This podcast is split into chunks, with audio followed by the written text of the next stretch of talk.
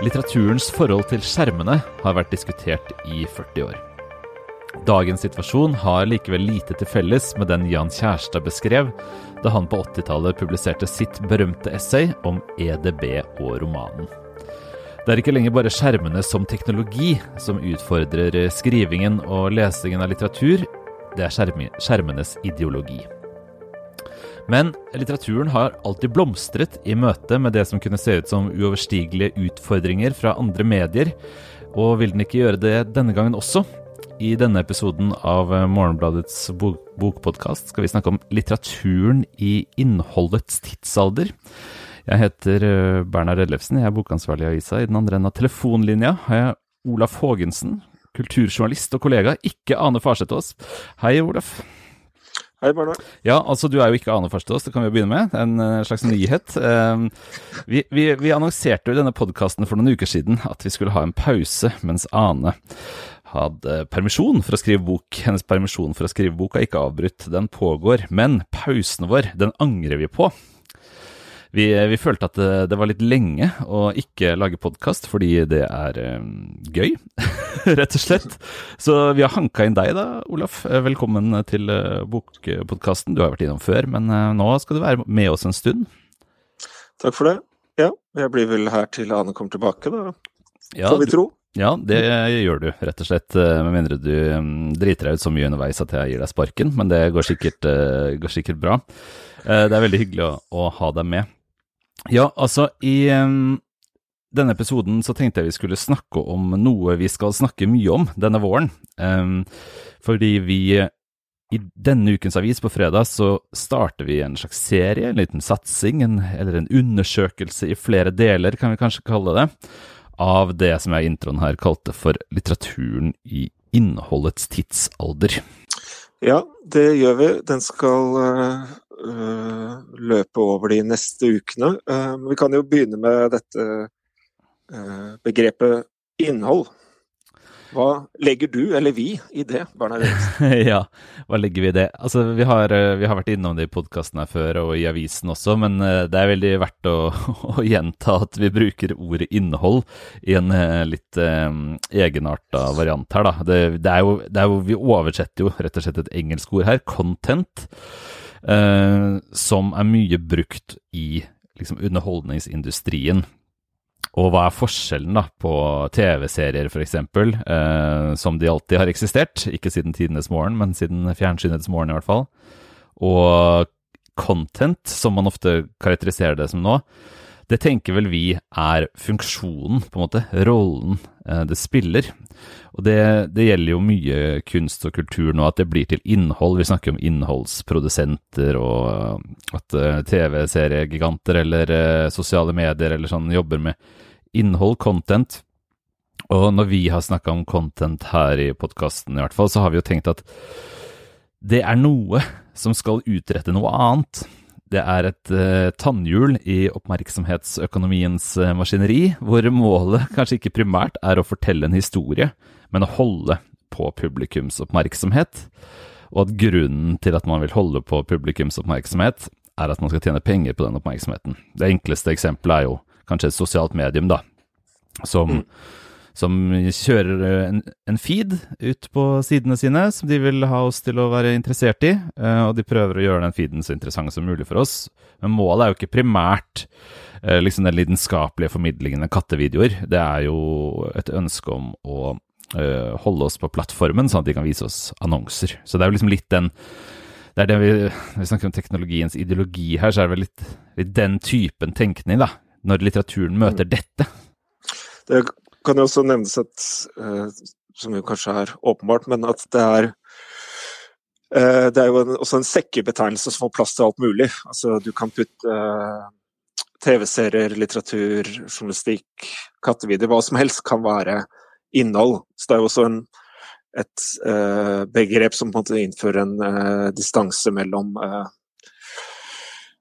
det kulturelle produktet, da. Mm. Eh, til det, en distanse til det kulturelle produktet. Jeg tenker også det er viktig. At det er en Jeg har tenkt på det som en slags sånn utbyttbarhet. At det er egentlig Nettopp. samme hva du putter inn, hva innholdet er, så lenge det skaper engasjement, som det heter mm. i, i, eh, sosiale medier-lingoen, liksom. Holder på oppmerksomheten og indirekte genererer penger, da. Altså, det er jo mm. det som er i, i, en sånn rent økonomisk tankegang så er det ikke noe forskjell om du putter kritisk journalistikk eller kattevideoer i innholdssekken din, så lenge det gjør nytten, da. Hvis det kan være litt mm. Og, og det er jo på en måte Det betyr jo ikke at, at uh, TV-serien mister all mening som fortelling, uh, f.eks., for men, men det, det, er jo også, som vi har vært litt nysgjerrig på, da, så er det jo et paradoks når du blir kanskje fra kritisk journalistikk til avanserte TV-serier til, uh, til uh, litterære romaner, så blir det liksom et, et paradoks også, da. Fordi mm. dette jo er uttrykk som ofte stiller seg kritisk til den typen økonomi, den typen ideologi som, som det her liksom blir satt i tjeneste for. Så det paradokset er jo interessant å ta med seg. Så vi har litt, vi har skrevet litt om det i denne ukas avis, altså om um, hva content-innholdets tidsalder er for noe. Men så er jo ideen at vi skal uh, på en måte se på litteraturens møte med denne tenkemåten, denne dynamikken. Og som jeg var inne på i introen her, så er det jo, er det jo um, veld, altså Hvis man ser på de siste hundreårenes litteraturhistorie, så er den forma av litteraturens møter med sånne nye medier, nye uttrykksformer, nye kommersielle eh, teknologier. Ja, øh, det er den. Men altså, det kan være om det da er Det ser man jo hele den moderne litteraturens historie. Litteraturen forandrer seg når filmen kommer, f.eks. Litteraturen forandrer seg når TV-serien kommer, og vår uh, tese eller mistanke er vel at litteraturen også kommer til å forandre seg i møte med uh, oppmerksomhet, uh, økonomien, da, eller mm. internett er jo den liksom, primære teknologien for, for oppmerksomhetsøkonomien. Så vi skal Det er en ganske løs serie. Vi tar med oss denne mistanken ut i, ut i verden, og det kommer til å gi opphav til ganske forskjellige tekster. Eh, mer altså journalistiske, kanskje idétekster, eh, forfatterintervjuer, bokessays, diverse. Tanken er å holde det litt løst og åpent, så vi kan bruke det til eh, det vi finner interessant. Yes. Det første mm, nedslaget vi har gjort, er det du som har gjort. Du, skal få anledning til å gjøre flere nedslag òg, som vi skal snakke om. Men vi har tatt en tur til Sverige først. Um, du har skrevet en intervju-, samtale-, undersøkelsessak i denne, denne ukas avis. Gruble, grublesak med intervju. Um, hvor du jo innleder med å si at uh, du ofte, eller vi ofte, skuler litt uh, til Sverige når vi, når vi liksom skal snuse oss frem til hva som skjer i litteraturen og samtalen om litteratur akkurat nå. Ja, vi holder et blikk på Sverige, de svenske kultursidorene. Altså, av den enkle grunn at de kan vi jo lese. Så vi jo svensk, da. Men også at uh, uh, svenskene I hvert fall så lenge jeg har vært interessert i litteratur, så har de liksom vært noen hakk, hakk foran, da. Altså de har vært liksom hakket råere. Sånn at mye av det man ser i Sverige, altså i rent litterært, det kommer gjerne til Norge noen år senere. Eh, og altså, en del av de samtalene man har om litteratur der, kommer også til Norge litt senere. Er en slags erfaring, da. Ja, på godt og vondt, er det lov å si det? På godt og vondt, Det er ikke alle de svenske si samtalene jeg er så jævlig glad for at vi får servert i norsk variant to år etterpå. Nei, og denne saken vi har, denne denne uka er vel en, kanskje et eksempel på det mer vonde med våre, med våre storesøsken i øst. Da. Um, men vi har liksom De siste årene så har vi kanskje undret oss litt over en del av samtalene, debattene som har foregått på kultursidorene. At de har vært uh, liksom merkelig defensive, kanskje. Litt usikre ikke uh, ført med den liksom uh, sedvanlige svenske aristokratiske selvfølgeligheten i møte med kulturen, da. Um, ja, vi, skal vi skyte en liten parentes der, for den er jo ikke ubetydelig. Uh, vi har jo f.eks. dekket uh, Svenske Akademiens uh, liksom posisjon i svensk kulturliv ganske mye. Og den jo, har jo vært talende, ikke sant? De har jo hatt et ekte litterært aristokrati. 18, 18, fyrster eh, som snakker om det høylitterære som om det alltid er kulturens absolutt selvfølgelige sentrum.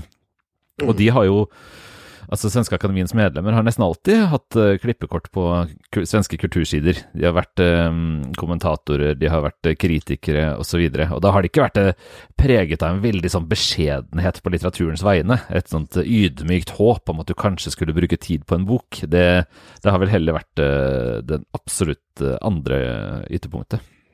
Ja, litteraturens liksom plass i sentrum av kulturen, og da den ambisiøse kunstneriske litteraturens plass i sentrum av kulturen har vært tatt for gitt, tror jeg man kan si. Da. Men ikke og så mye, den, da, de siste årene? Nettopp. Det er, det vel, det er vel liksom det vi har uh, føler vi har uh, registrert. Da. Og, uh, og, kanskje særlig før nå før jul, i slutten av november og i ukene som fulgte, så toppet dette seg på et vis i det vi her skal omtale som Augustprisdebatten. Augustprisen er da Sveriges viktigste litteraturpris. Ja, og den mest kjente, liksom, Brageprisen. Sentrumsprisen, på en måte. Den, eh, den ja. største. Hva, hva, hva, var det som vakte debatt i høst? Da var det eh, en eh, mann ved navn Bjørn Werner som publiserte en kommentar. Han hadde da eh, inntil for kort tid eh, siden vært eh, kulturredaktør i Göteborgsposten. Så hadde han gått frilans og blitt eh, eh, spaltist, kommentator. Han hadde skrevet en, eh, han skrev en kommentar om sin opplevelse av å være såkalt elektor for eh, Augustpriset. Altså, den er organisert på den måten da, at det er en fagjury som velger ut en del bøker, og så er det elektorene da, som plukker vinneren fra de bøkene. Og han uh, startet med å fortelle at, uh, sine lesere at man kunne ikke tro hvor uh, tråkig det hadde vært å være lektor for uh, Augustpriset. Uh, det var hans store, store poeng. Han syntes bøkene var uengasjerende, kjedelige, uforståelige. Mm.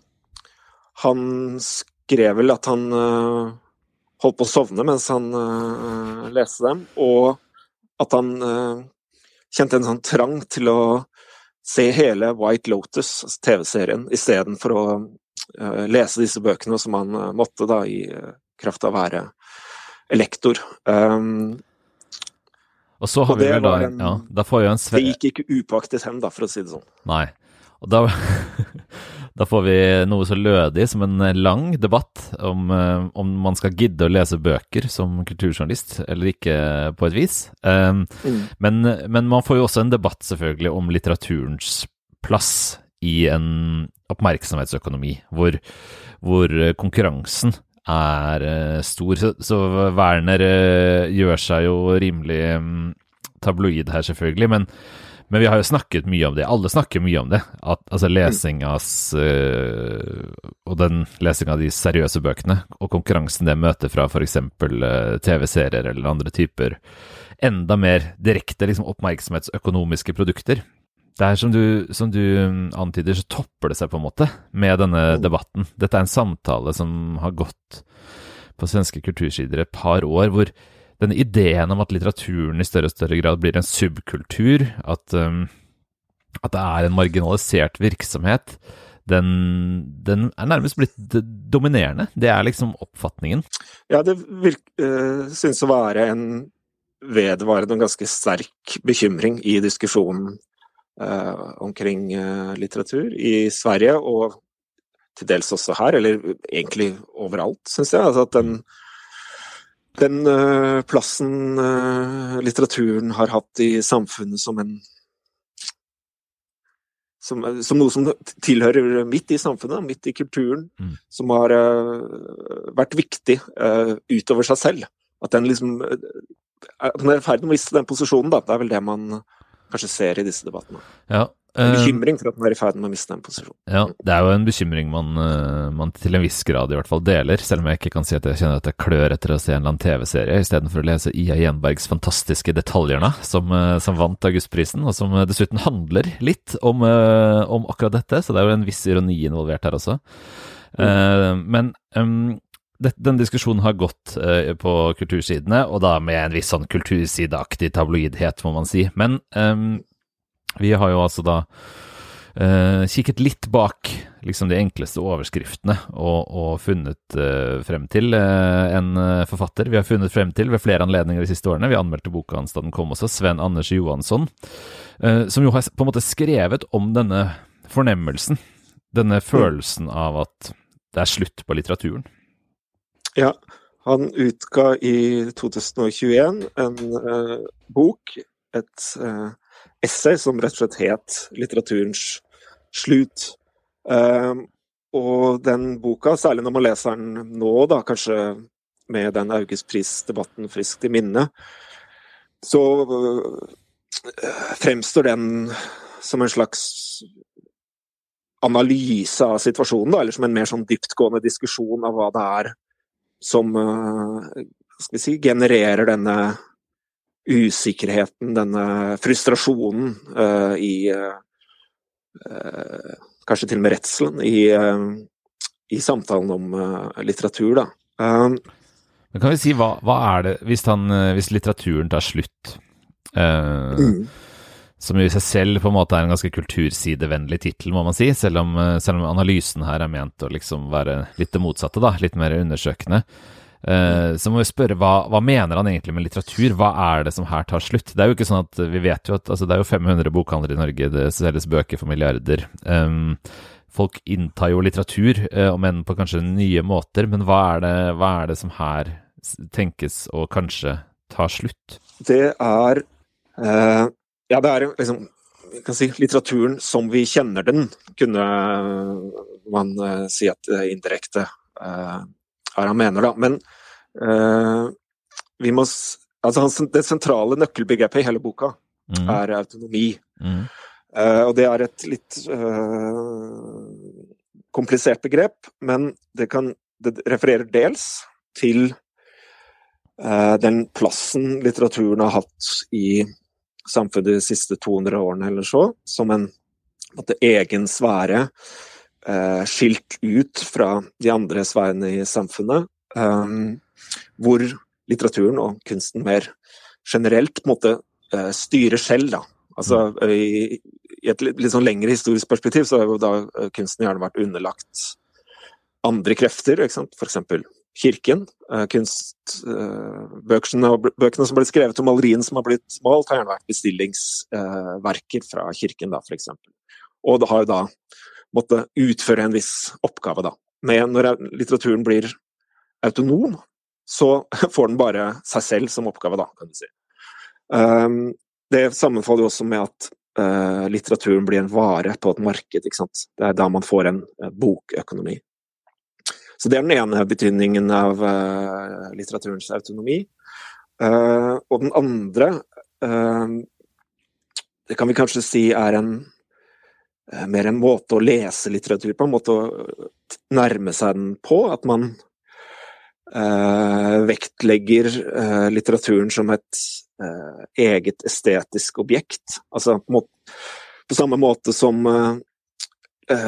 litteraturen måtte få lage sine egne regler i litteratursfæren, så får hvert verk måtte lage sine egne regler. Eller vi, vi tenker på, uh, på, det, på, romanen som en størrelse som måtte selv bestemme hvordan den skal bli lest, da. Ikke mm. som et type uttrykk for noe annet. Det er ikke sånn at vi, vi prøver å forstå hvordan en roman henger sammen, istedenfor å uh, måtte hoppe ut av romanen og si at dette er et uh, uttrykk for en bestemt klasseinteresse eller, bestemt, eller uttrykk for forfatterens genialitet eller noe sånt. Ja, for Hvis vi stopper der, da, uh, for nå er du på vei inn i neste moment, som jeg tenker jeg kan kommentere for seg. Altså disse to mm. formene for autonomi, da, eller e liksom egen altså selvstendighet. mm. uh, i litteraturen. Altså le, både på lesningas område og på liksom litteraturens eget, altså i måten den er til på. Mm. Uh, hvis de tingene tar slutt, uh, hvis det er det vi snakker om, hvordan kommer det konkret uttrykk i, på liksom respektive autonomier? Hvordan ser det ut når autonomien for selve litteraturen i verden, liksom, eventuelt tar mm. slutt, mm. og lesningas autonomi, da, eller forståelsen, lesernes forståelse av litteraturen som autonom, selvregulerende. Hvordan, hvordan tenker Johansson at det tar slutt? Ja, Han tenker på en måte at autonomien presses både innenfra og utenfra. Da. Og utenfra, da er vi inne på det vi begynte med her, da, med oppmerksomhetsøkonomien. Da. Uh, her kan man ta et veldig sånn enkelt, konkret eksempel, og det ville være den strømmede lydboka, da. Mm. Hvor, hvor denne uh, leveringsteknologien, skal vi si det, altså det at du sitter og lytter til en uh, strøm hvor, uh, som også på en måte lytter tilbake på deg, da. da måte, er det akkurat som de kommersielle interessene strammer, strammer grepet litt rundt litteraturen da, på en annen måte enn de gjør når du sitter og leser en papirbok for deg selv. Da. Du sitter jo samtidig og leverer noe tilbake til oppmerksomhetsøkonomien. Da. Mm. Så her kan man snakke om et kommersielt press, da, f.eks. Men han øh, nevner også øh, endringer i kulturen. altså Han går inn i en masse svenske diskusjoner hvor han da eh, mener at det hersker en sånn moralistisk tilnærming til litteratur. Da, at man forventer at litteraturen skal liksom gjøre noe godt i verden. At den skal eh, svare på spørsmål om rasisme eller uh, klimakrisen eller uh, kjønnsundertrykking av ulike slag. Altså at den, mm. man kommer med en masse etiske forventninger til litteraturen, mm. heller enn å på en måte prøve å se hva litteraturen gjør estetisk, ville være Johanssons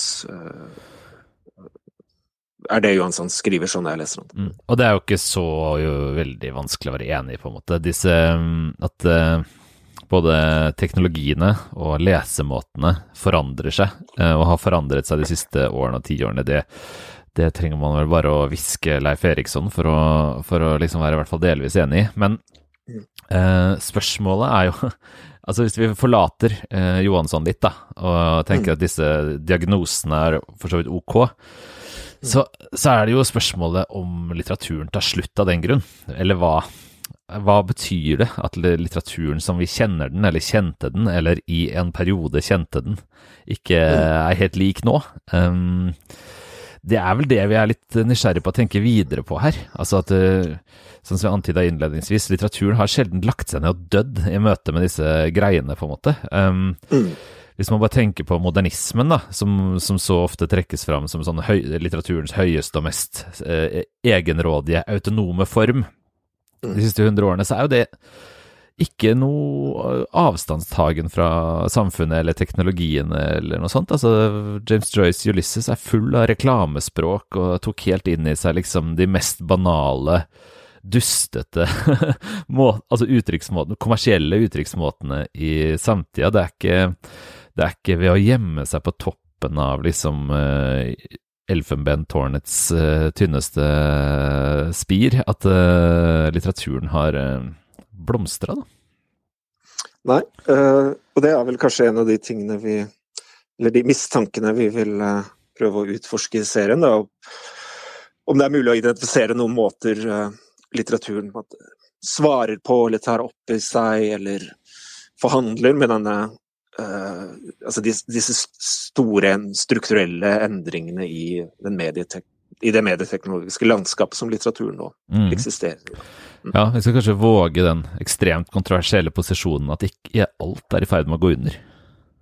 Nei, uh, den påstanden skal vi våge. Og da må vi også da med rett uh, altså, si at det mener jo ikke godeste Johansson heller. Han den boka hans kunne uh, hatt tittelen 'Autonomiens slutt'. Mm. Det hadde vært noen hakk vanskeligere å selge for å meg, men uh, det er på en måte det han uh, er Som er tesen hans, at den, den litt sånn uavhengigheten mm. som litteraturen har nytt godt av de siste 200 årene, da, mm. er i endring, under press. Og han prøver å måtte tenke hva det rundt hva det innebærer. Um, ja. ja. Jeg, jeg syns jo dette er fascinerende fordi at uh, i mine øyne så er liksom oppmerksomhetsøkonomien er en veldig kynisk størrelse, uh, som det er uh, vel verdt å stille seg veldig kritisk, for ikke å si negativ, til. Men litteraturen er en veldig tøyelig størrelse, som det er grunn til å liksom se med forventning og spenning på hva uh, kan utrette da, i møte med, med mm, sånne nye utviklingstrekk som som oppmerksomhetsøkonomien, slik den ser ut akkurat nå, f.eks. kan sies å utgjøre. Da. Så jeg, jeg tror liksom at det, eh, disse to tankene i hodet samtidig kan være en litt uh, interessant måte å, å, tenke på. Det er jeg enig i. Jeg har vel også et håp om at et sånt lit, liten perspektivforskyvning kanskje kan uh, også gjøre at man får øye på andre ting i bøker som allerede eksisterer. At man mm. kan innby til noen eh, andre måter å lese litteratur på, som vi kanskje har uh, tenkt uh, til utgangspunktet ikke har så mye med dette å gjøre. At en sånn rekontekstualisering vil kunne bringe fram nye sider ved allerede eksisterende verk. Ja, det har jeg veldig tro på.